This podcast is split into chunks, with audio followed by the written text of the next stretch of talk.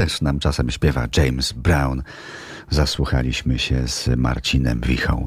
Przedmioty ładne i odpowiednio drogie, czyli w podtekście dla wybranych. Tak jeszcze często kojarzy się w Polsce design i to, co designerskie.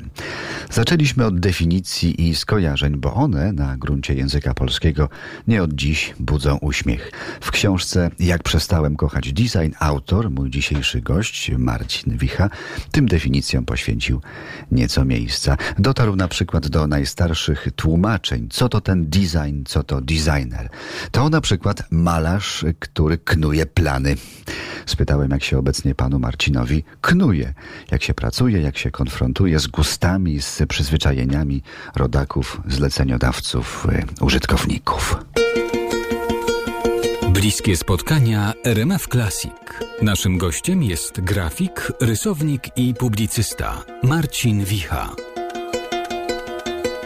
tak. To się pojawia, słowo design się pojawiło dość późno w słownikach języka polskiego, ale dość wcześnie się pojawiło w słownikach polsko-angielskich i ta definicja jest wzięta z któregoś z przedwojennych słowników polsko-angielskich.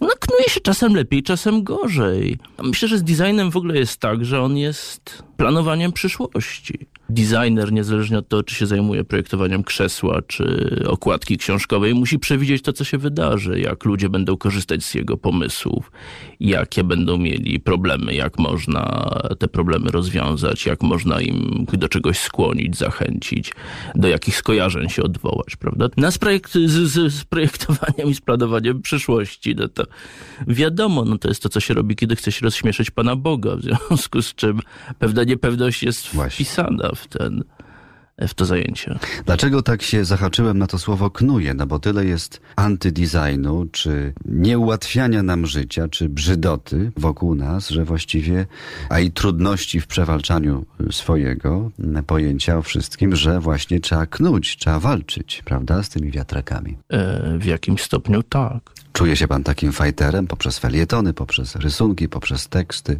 mm. poprzez swoje prace? Myślę, że w za małym stopniu.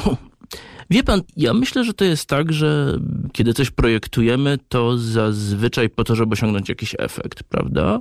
Na przykład, żeby sprzedać książkę, albo żeby e, ludzie mieli dach nad głową. No, to, to jakieś są takie zadania, prawda? Ale równocześnie to jest jakieś pole interesów, które tam się toczą.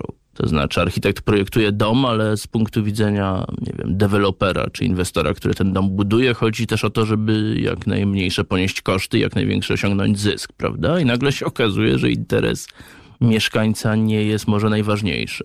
Czyli wszyscy knują. Knowaczy jest więcej. Knowaczy jest więcej i i pozycja projektanta często nie jest taka suwerenna. Często on jest pod presją, często on musi realizować w tym projekcie wcale nie te interesy, które właściwie należałoby mm, no właśnie realizować. I można by sparafrazować, strawestować Norwida. Gorzki to chleb jest design, prawda? Projektowanie no to, to Czasem tak, bez chyba. przesady. No, to jest 153 różne inne profesje, które są cięższe i, i, gorsze. Ale rzeczywiście to tak jest. To znaczy, że cały czas trzeba się zastanawiać, czy to, co robimy, jest sensowne i czy służy dobrym celom. Tata architekt Piotr Wicha uciekał od brzydoty PRL-u nie wpuszczając za próg regałów czy meblościanek. Syn Marcin Wicha walczy dziś z antydesignem rysując albo pisząc, a to o zakratowanej szkolnej szatni, a to o ocieplaniu budynku pewnej warszawskiej wyższej szkoły. To ocieplanie to pokrywanie styropianem elewacji przedwojennej fabryki szpotańskiego. Wracamy zaraz. Teraz w RMF Classic muzyka z filmu Królewna Śnieżka. Muzyka Alana Menkena.